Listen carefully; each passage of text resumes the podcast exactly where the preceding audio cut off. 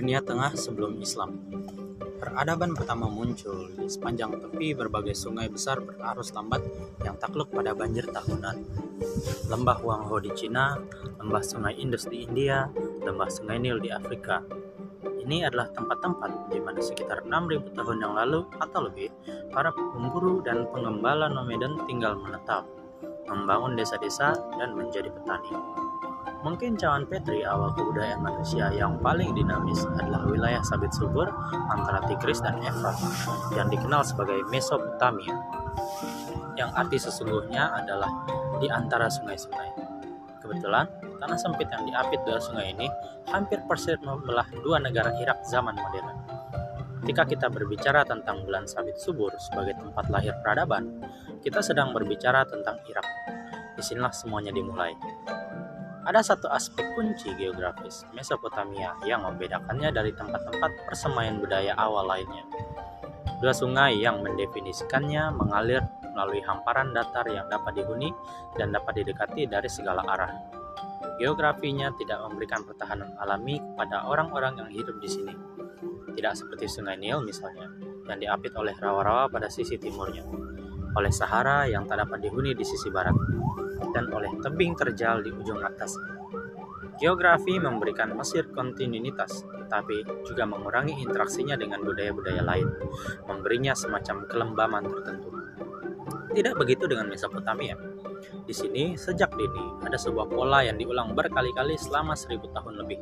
Sebuah perjuangan yang kompleks antara perantau dan penduduk kota, yang terus menumbuhkan imperium yang lebih besar. Pola itu seperti ini Petani yang menetap akan membangun sistem irigasi yang mendukung desa dan kota-kota yang makmur. Akhirnya, beberapa orang yang gigih, beberapa imam yang terorganisasi dengan baik, atau persekutuan antara keduanya akan memegang kendali atas sejumlah pusat kota. Dengan demikian, menempa sebuah unit politik yang lebih besar, suatu konfederasi, kerajaan, kekaisaran. Kemudian, sebuah suku nomaden yang keras akan datang, menaklukkan raja saat itu, menyita semua harta milik dan dalam proses itu memperluas kerajaan mereka. Akhirnya, nomaden yang keras itu akan menjadi lembut, penduduk kota yang mencintai kemewahan, persis seperti jenis orang yang telah mereka taklukkan. Di mana pada titik itu, suku nomad keras lainnya akan datang, mengalahkan mereka, dan mengambil alih kerajaan mereka. Penaklukan, konsolidasi, ekspansi, degenerasi, penaklukan. Inilah polanya itu dikodifikasikan pada abad ke-14 oleh sejarawan muslim termasyur Ibnu Khaldun didasarkan pada pengamatannya atas dunia tempat dia tinggal. Ibnu Khaldun merasa bahwa dalam pola ini dia telah menemukan denyut yang mendasari sejarah. Pada waktu tertentu, proses ini terjadi di lebih dari satu tempat. Satu kerajaan berkembang di sini, yang lain tumbuh di sana. Kedua kerajaan meluas sampai mereka bertemu melawan satu sama lain di mana pada satu titik yang satu akan mengalahkan yang lain, membentuk sebuah kekaisaran baru dan lebih besar. Sekitar 5.500 tahun yang lalu, belasan kota di sepanjang sungai Efrat menyatu dengan jaringan tunggal yang disebut Sumeria. Di sinilah ditemukan aksara, roda, gerobak, roda tembikat, dan sistem bilangan awal. Suku Akkadian, orang-orang yang lebih kasar dari wilayah hulu, menaklukkan Sumeria Pemimpin mereka, Sargon, adalah penakluk pertama yang disebut namanya dalam sejarah. Sosok yang kejam dalam segala hal dan seorang lelaki yang menimpa dirinya sendiri. Karena dia berasal berawal dari sebagai pria lemah dan tidak dikenal.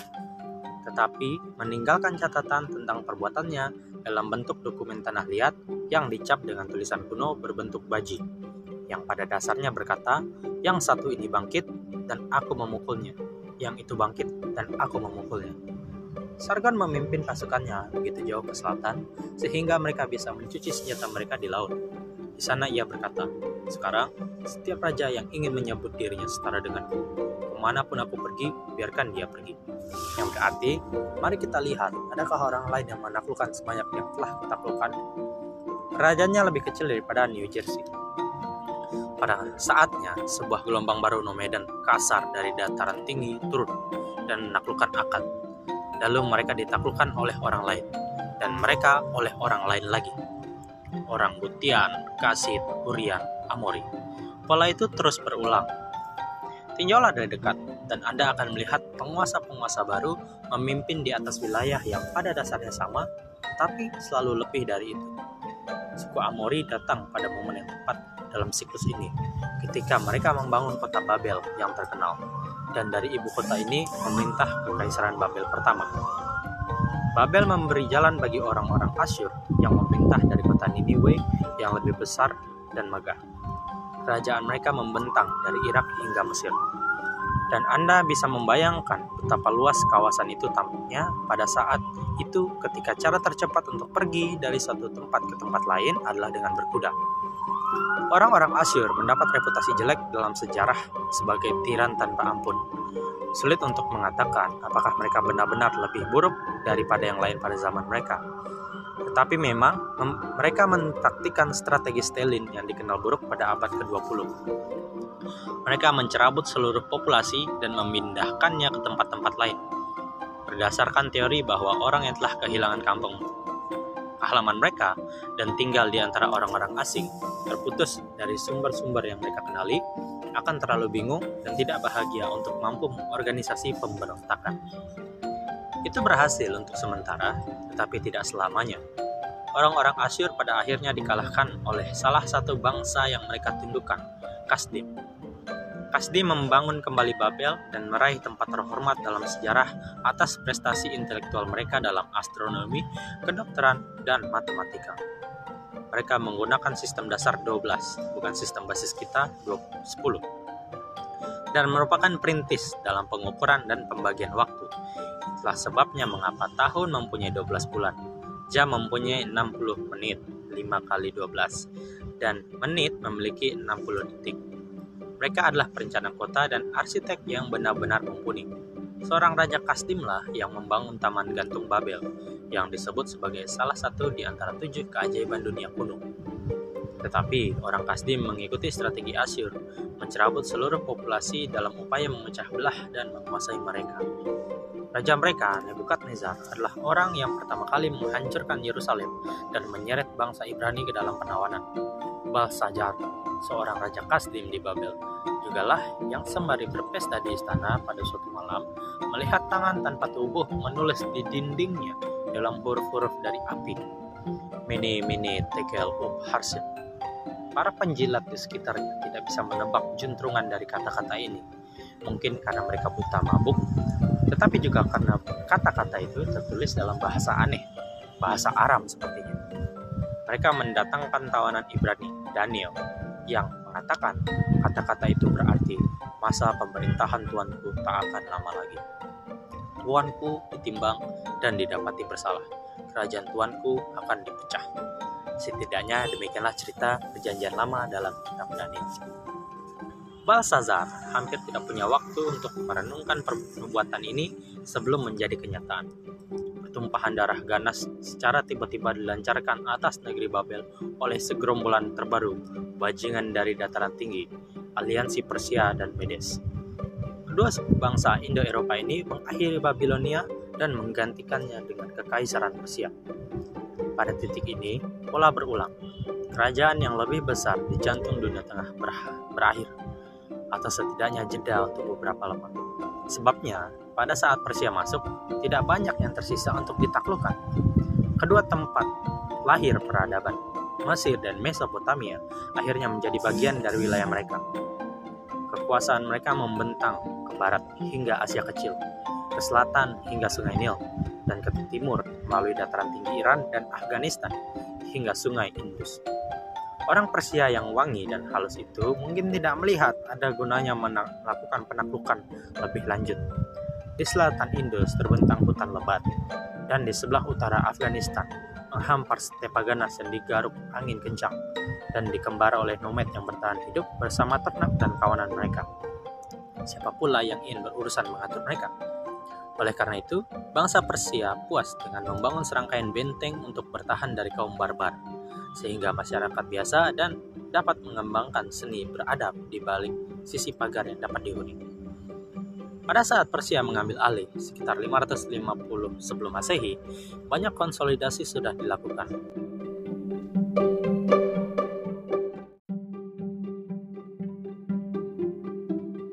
Di setiap daerah penakluk sebelumnya telah menarik berbagai suku lokal dan kota-kota ke dalam sistem tunggal yang diperintah oleh seorang raja dari pusat ibu kota. Apakah Elam, Ur, Niniwe, atau Babel, Persia mendapat keuntungan dari pekerjaan dan pertumpahan darah para pendahulu mereka. Namun, kekaisaran Persia menonjol karena beberapa alasan. Pertama, Persia adalah lawan Asyur mereka mengembangkan ide yang benar-benar berlawanan tentang bagaimana memerintah sebuah kawasan yang luas. Alih-alih mencerabut seluruh bangsa, mereka mengembalikannya ke kampung halaman. Mereka membebaskan bangsa Ibrani dari penawanan dan membantu mereka kembali ke Kanan. Dari Kaisar Persia menjalankan strategi multikultural, banyak bangsa dalam satu tenda besar mereka mengendalikan wilayah yang luar biasa luas itu dengan membiarkan semua konstituen yang berbeda menjalani hidup sendiri-sendiri menurut cara dan adat istiadat mereka masing-masing. Di bawah kekuasaan pemimpin mereka sendiri, asalkan mereka membayar pajak dan tunduk pada beberapa mandat dan tuntutan kaisar. Kaum muslimin belakangan mengambil gagasan ini dan terus bertahan selama masa Utsmani. Kedua, Persia melihat komunikasi sebagai kunci untuk mempersatukan dan demik dengan demikian mengendalikan wilayah mereka. Mereka mengeluarkan seperangkat undang-undang pajak dan menerbitkan mata uang tunggal untuk wilayah mereka. Mata uang sebagai media komunikasi dalam bisnis.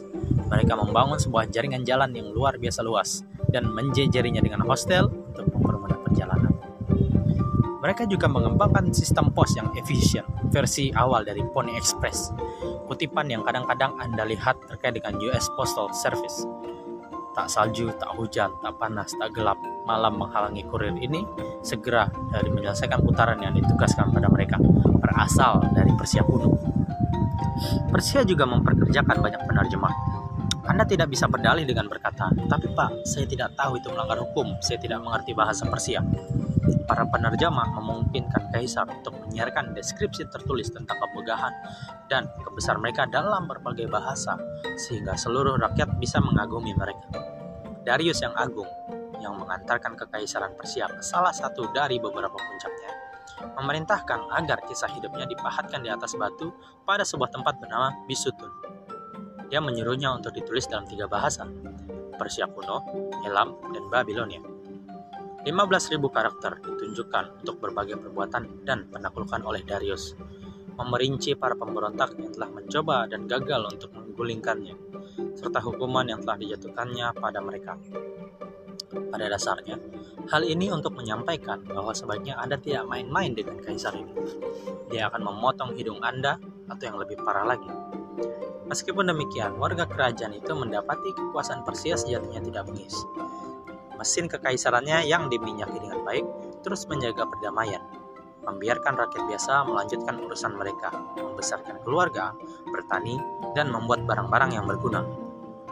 Bagian dari prasasti Bisutun Darius yang ditulis dalam Persia kuno dapat dibaca dari bahasa Persia modern, sehingga setelah ditemukan kembali pada abad ke-19, para sarjana dapat menggunakannya untuk membuka kunci dua bahasa lain, dan dengan demikian mendapatkan akses ke perpustakaan cuneiform Mesopotamia kuno. Perpustakaan yang begitu luas sehingga kita tahu lebih banyak tentang kehidupan sehari-hari di daerah ini 3000 tahun yang lalu daripada yang kita ketahui tentang kehidupan sehari-hari di Eropa 1200 tahun silam. Agama menyebar di dunia Persia, bukan ide Hindu tentang sejuta dewa, bukan pula sesuatu seperti dewa-dewa Mesir berupa makhluk-makhluk gaib dengan wujud setengah manusia dan setengah binatang. Juga bukan seperti paganisme Yunani yang melihat setiap hal kecil di alam memiliki dewanya sendiri. Dewa yang berbentuk seperti manusia dan memiliki kelemahan manusia. Tidak, dalam semesta Persia, Zoroastrianisme memegang posisi paling tinggi. Zarathustra hidup sekitar seribu tahun sebelum Kristus. Mungkin lebih awal atau lebih belakangan tidak ada yang benar-benar tahu. Dia berasal dari Iran Utara, atau mungkin utara Afghanistan, atau mungkin di suatu tempat di sebelah timurnya. Tidak ada yang benar-benar tahu. Zarathustra tak pernah mengklaim menjadi seorang nabi atau penyalur energi ilahi, apalagi Tuhan atau dewa. Dia menganggap dirinya seorang filsuf dan pencari, tetapi para pengikutnya menganggap dia orang suci. Zarathustra mengajarkan bahwa alam semesta dibagi antara gelap dan terang. antara kebaikan dan kejahatan, antara kebenaran dan kepalsuan, antara hidup dan mati. Alam semesta dibagi dalam kubu-kubu bertentangan sejak penciptaan, terkunci dalam pertarungan sejak saat itu, dan akan bertahan demikian sampai akhir zaman. Manusia, kata Zoroaster, mengandung kedua prinsip ini di dalam diri mereka. Mereka bebas memilih apakah akan mengambil cara ini atau itu. Dengan memilih yang baik, manusia menambah kekuatan pada cahaya kehidupan. Dengan memilih jalan jahat, mereka memberi kekuatan kepada kegelapan dan kematian. Tidak ada predestinasi dalam semesta Zoroastrian. Hasil dari pertarungan besar selalu dalam keraguan. Dan tidak hanya setiap manusia bebas untuk membuat pilihan moral, tetapi setiap pilihan moral mempengaruhi hasil kosmis itu. Zarathustra melihat drama alam semesta memberi kekuatan pada dua dewa, bukan satu, bukan ribuan, tetapi dua. Ahura Mazda mewujudkan prinsip yang baik, Ahriman prinsip yang jahat. Api berperan sebagai representasi ikon Ahura Mazda yang mendorong sebagian orang untuk menggolongkan Zoroastrian sebagai penyembah api. Tapi apa yang mereka sembah bukanlah api per se, melainkan Ahura Mazda. Zarathustra berbicara tentang kehidupan setelah mati, tetapi menyatakan bahwa orang yang baik pergi ke sana bukan sebagai imbalan atas kebaikan, melainkan sebagai konsekuensi dari telah memilih arah itu. Anda mungkin mengatakan mereka mengangkat diri mereka sendiri ke surga melalui cara pilihan mereka. Majusi Persia menolak patung, citra, dan ikon keagamaan, meletakkan dasar bagi permusuhan terhadap representasi dalam seni keagamaan yang muncul kembali dengan tegas dalam Islam. Kadang-kadang Zarathustra atau setidaknya para pengikutnya menyebut Ahura Mazda, Tuhan Maha Bijaksana, dan berbicara seolah-olah dia benar-benar pencipta seluruh alam semesta dan seolah-olah dialah yang telah membagi semua ciptaan menjadi dua aspek yang berlawan tak lama setelah saat penciptaan. Dengan demikian, dualisme Zarathustra beringsut menuju monoteisme, tetapi tidak pernah tiba di sana. Pada akhirnya, menurut Zoroastrianisme Persia kuno, dua dewa dengan kekuatan yang sama menghuni alam semesta dan manusia adalah tali dalam tarik tambang mereka. Seorang rahib Zoroastrian disebut Magus, bentuk jamaknya Magi, seorang majus. Tiga orang bijak dari timur yang menurut cerita Kristen membawa pamur dan kemenyan untuk bayi Yesus di kandang itu adalah rahib-rahib Zoroastrian. Kata magician yang berasal dari Magi, para rahib ini dianggap oleh orang lain dan kadang-kadang mereka sendiri mengklaim memiliki kekuatan ajaib. Pada masa-masa akhir kekaisarannya, orang Persia masuk ke dunia Mediterania dan membuat percikan besar singkat dalam sejarah dunia barat. Kaisar Persia Darius berangkat ke barat untuk menghukum orang-orang Yunani. Saya mengatakan menghukum bukan menyerang atau menaklukkan.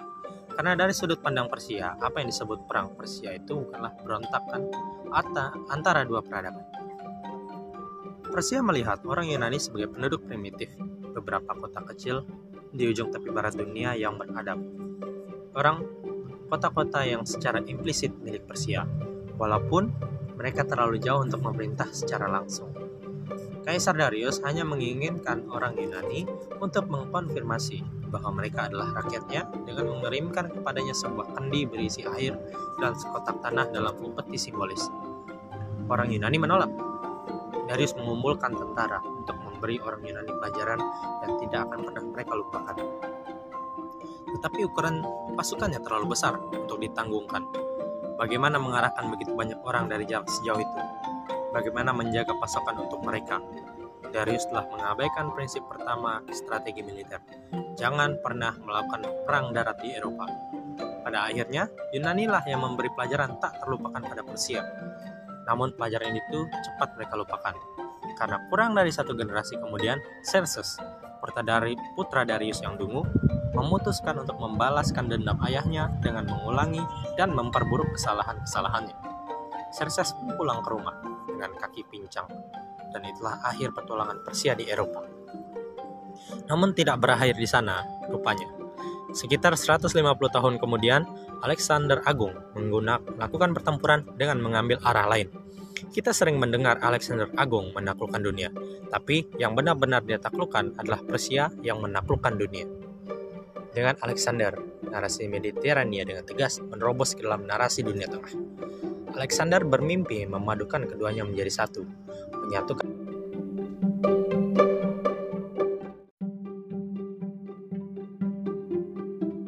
Eropa dan Asia. Dia berencana menempatkan ibu kotanya di Babel. Alexander membuat luka yang dalam dan meninggalkan bekas. Dia, mung dia muncul dalam banyak mitos dan cerita Persia yang memberinya kualitas heroik yang besar. Meskipun tidak seluruhnya positif, tapi juga tidak sepenuhnya jahat. Sejumlah kota di dunia muslim dinamai menurut namanya. Alexandria adalah contoh nyata. Tapi yang kurang kentara adalah salah satu adalah Kandahar yang kini terkenal karena dianggap Taliban sebagai ibu kota mereka. Kandahar yang pada awalnya disebut Iskandar, cara pengucapan Alexander di timur. Tapi awalan is ditanggalkan dan Kandar diperlunak menjadi Kandahar. Tapi luka yang ditimbulkan Alexander mulai tertutup. Kulit tumbuh di atasnya, dan dampak dari 11 tahun dia di Asia perlahan memudar. Suatu malam di Babel ia tiba-tiba mati entah karena flu, malaria, terlalu banyak minum, atau racun. Tidak ada yang tahu. Dia telah menempatkan jenderal-jenderal di berbagai wilayah yang telah ditaklukkannya. Dan saat dia meninggal, jenderal yang paling tangguh mengklaim wilayah apa pun yang sedang mereka pegang menciptakan kerajaan-kerajaan Helenis yang bertahan selama beberapa ratus tahun. Sebagai contoh, di kerajaan Baktria, sekarang utara Afghanistan. Seniman membuat patung-patung bergaya mirip Yunani Kemudian ketika pengaruh Buddha merembes ke utara dari India, kedua gaya seni bercampur menghasilkan apa yang sekarang dikenal sebagai Greco-Buddhis. Akan tetapi, pada akhirnya kerajaan tersebut melemah. Pengaruh Yunani memudar. Bahasa Yunani tak lagi digunakan di sini. Dan lapisan bawah Persia kembali menggenang ke permukaan. Kerajaan lain datang untuk menduduki banyak bagian dari wilayah yang sama yang dulunya adalah Persia kuno walaupun tidak sebanyak itu. Penguasa baru ini menyebut diri mereka Parsia, dan mereka adalah para perjuang yang hebat. Parsia berperang menghentikan Roma, mencegah ekspansi mereka ke timur. Pasukan mereka adalah yang pertama melibatkan kata prak kesatria berbaju zirah menunggang kuda besar berlapis baja, persis seperti yang kita kaitkan dengan zaman feodal Eropa. Kesatria Parsia ini seperti benteng berjalan, tetapi benteng berjalan itu merepotkan sehingga Parsia juga memiliki korps kavaleri lain. Orang-orang berpakaian ringan menunggang kuda tanpa pelindung. Sebagai taktik pertempuran, kavaleri berpakaian ringan itu kadang berpura-pura telah dikalahkan. Di tengah panas pertempuran, mereka tiba-tiba akan berbalik dan bergegas pergi. Barisan tentara yang sedang mereka lawan akan berserak, bersorak, dan mengejar mereka mengabaikan semua perintah sementara mereka berteriak-teriak, "Kejar mereka, anak-anak, mereka melarikan diri. Mari kita habisi mereka." Sesudah itu, Parsia akan tiba berbalik dan menyerang barisan lawan yang telah menjadi kacau itu, membasmi mereka dalam beberapa menit saja. Hal ini kemudian dikenal sebagai tembakan Parsia. Dan ketika Anda mendengar ucapan tembakan perpisahan parting shot yang Anda dengar sebenarnya barangkali pengucapan keliru dari frase tembakan Parsia, Parsian shot. Bangsa Parsia awalnya adalah pengembala dan pemburu nomeden dari pegunungan timur laut Persia. Tapi begitu mereka masuk ke dalam kerangka kekaisaran Persia kuno, secara praktis mereka menjadi orang Persia. Nama mereka Parsia, mungkin plesetan atau variasi dari Persia. Kerajaan ini bertahan selama berabad-abad tanpa meninggalkan banyak jejak karena mereka menaruh sedikit minat pada seni dan budaya. Dan benteng berjalan di daur ulang untuk mendapatkan besi tua begitu prajurit di dalamnya mati.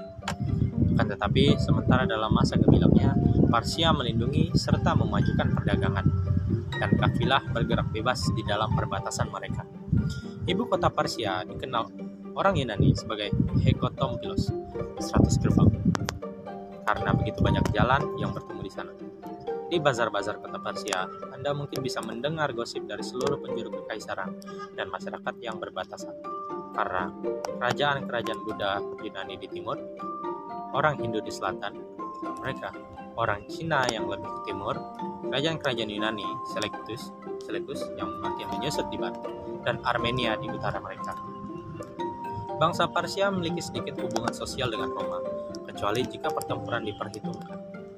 Pertalian peradaban yang membuat Persia menjadi bagian dari Persia tidak sampai melintasi perbatasan itu, dan dengan demikian Mediterania dan Timur Tengah kembali terpisah. Sekitar masa bangsa Persia, Persia memulai kebangkitan mereka. Cina untuk pertama kalinya bersatu. Bahkan tahun-tahun kejayaan benih dinasti Han, Cina hampir bertepatan persis dengan periode dominasi Persia di barat. Di barat, orang Romawi memulai ekspansi besar mereka menjelang awal era Persia. Tatkala Roma menyerang Kartago untuk pertama kalinya, Persia sedang mencaplok Babilonia. Persis ketika Julius Caesar mencabik bangsa Gaul, kekuasaan Persia memuncak di dunia tengah. Pada 53 sebelum Masehi, bangsa Persia menghancurkan pasukan Romawi dan dalam sebuah pertempuran menangkap 34.000 lebih legioner dan membunuh Crassus yang memerintah Roma bersama dengan Caesar dan Pompei. 30 tahun kemudian, Persia menimpakan menimpakan kekalahan sengit bagi Mark Antony dan menetapkan Sungai Efrat sebagai perbatasan antara kedua kerajaan. Baik Persia masih memperluas ke timur ketika Kristus, Kristus dilahirkan. Penyebaran agama Kristen tak terlalu diperhatikan oleh bangsa Persia yang lebih menyukai Zoroastrianisme dalam cara-cara yang suam-suam. Ketika misionaris Kristen mulai beringsut ke timur, Persia mengizinkan mereka masuk. Memang tidak terlalu peduli tentang agama bangsa Parsia selalu beroperasi dengan sistem feodal, dengan kekuasaan didistribusikan ke bawah melalui banyak lapisan tuan-tuan. Seiring waktu, kekuasaan kekaisaran mengucur ke dalam feodalisme yang semakin terfragmentasi ini. Pada abad ketiga, Kristen, pemberontakan provinsial menggulingkan wilayah ini. Terakhir, Parsia dan mendirikan dinasti Sasania. Dan ini meluas dengan cepat hingga menduduki semua wilayah yang sama seperti Parsia dan sedikit lebih banyak lagi daripada itu. Bangsa Sasania tidak membelokkan arah perubahan budaya. Mereka hanya mengatur kerajaan secara lebih efektif, menghapus jejak-jejak terakhir pengaruh Helenis, dan menuntaskan pemulihan gaya konstruksi Persia. Mereka membangun patung-patung monumental, gedung-gedung besar, dan kota-kota mengesankan. Zoroastrianisme menikmati kebangkitan besar api dan abu, sinar matahari dan kegelapan, Ahura Mazda dan Ahriman. Itulah agama negara.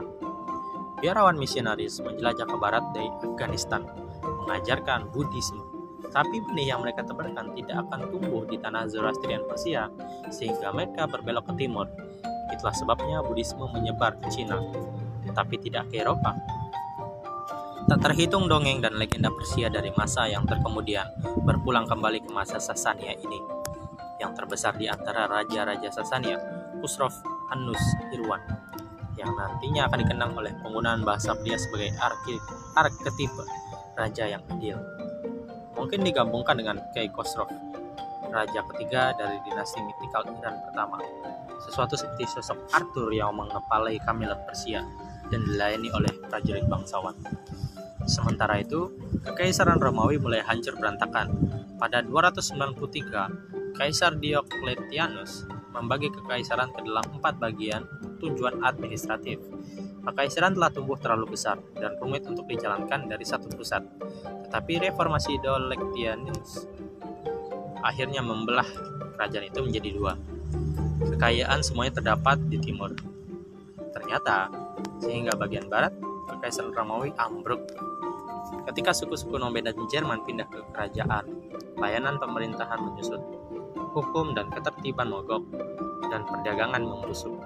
Sekolah-sekolah bubar, Eropa Barat berhenti membaca atau menghasilkan tulisan, dan Eropa tenggelam ke dalam apa yang disebut zaman kegelapan. Kota-kota Romawi di tempat-tempat seperti Jerman dan Prancis, serta Inggris jatuh ke dalam kehancuran, dan masyarakat disederhanakan menjadi budak, prajurit, dan imam. Satu-satunya lembaga yang mengikat penduduk lokal yang berbeda itu adalah Kristen dipasak oleh uskup Roma. Tak lama kemudian disebut sebagai Paus. Bagian timur Kekaisaran Romawi yang berpusat di Konstantinopel terus bertahan. Penduduk setempat masih menyebut entitas ini Roma, tapi bagi sejauhan terkemudian, itu tampak seperti sesuatu yang baru. Jadi, secara retrospektif, mereka memberinya nama baru, Kekaisaran Bizantium. Kristen Ortodoks berpusat di sini. Tidak seperti kekristenan barat, gereja ini tidak memiliki sosok seperti paus. Setiap kota dengan penduduk Kristen yang cukup besar mempunyai uskup tingginya sendiri. Sebuah metropolitan, dan semua metropolitan seharusnya setara. Meskipun uskup tinggi Konstantinopel lebih di atas daripada kebanyakan, namun di atas mereka semua berdiri sang kaisar. Pembelajaran teknologi dan kegiatan intelektual barat menyebar ke Bizantium Di sini, penulis dan seniman terus menghasilkan buku-buku, lukisan, dan karya lainnya. Namun begitu Roma Timur menjadi kekaisaran Bizantium, ia kurang lebih berlalu dari sejarah barat. Banyak yang akan menyangkal pernyataan ini, tapi bagaimanapun, kekaisaran Bizantium itu Kristen. Rakyatnya berbicara bahasa Yunani, dan para filsufnya Baiklah, tak usah kita bicara terlalu banyak tentang para filsufnya. Hampir semua orang barat berpendidikan tahu Socrates, Plato, dan Aristoteles, belum lagi Sophocles, Virgil, Tacitus, Pericles, Alexander dari Makedonia, Julius Caesar, Augustus, dan banyak yang lain.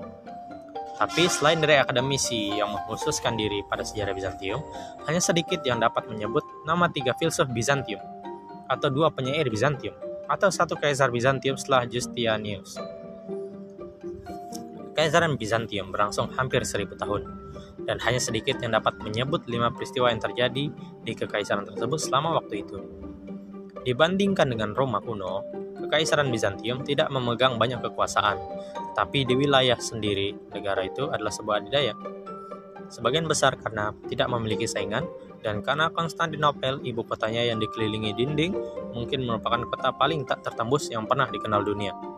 Pada pertengahan abad ke-6, Bizantium menguasai sebagian besar Asia Kecil, dan sebagian dari apa yang sekarang kita sebut Eropa Timur.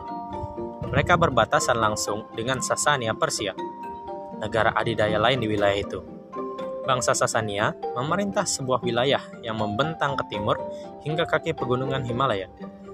Di antara kedua kerajaan berbaling sepotong wilayah sengketa di sepanjang pantai Mediterania. Tempat kedua, sejarah dunia bertumpang tindih, dan tempat sengketa telah menjadi endemik. Ke selatan, di bawah bayang-bayang kedua kerajaan besar, terletak Jazirah Arab, dihuni oleh berbagai suku otonom. Begitulah konfigurasi politik dunia tengah sebelum Islam lahir.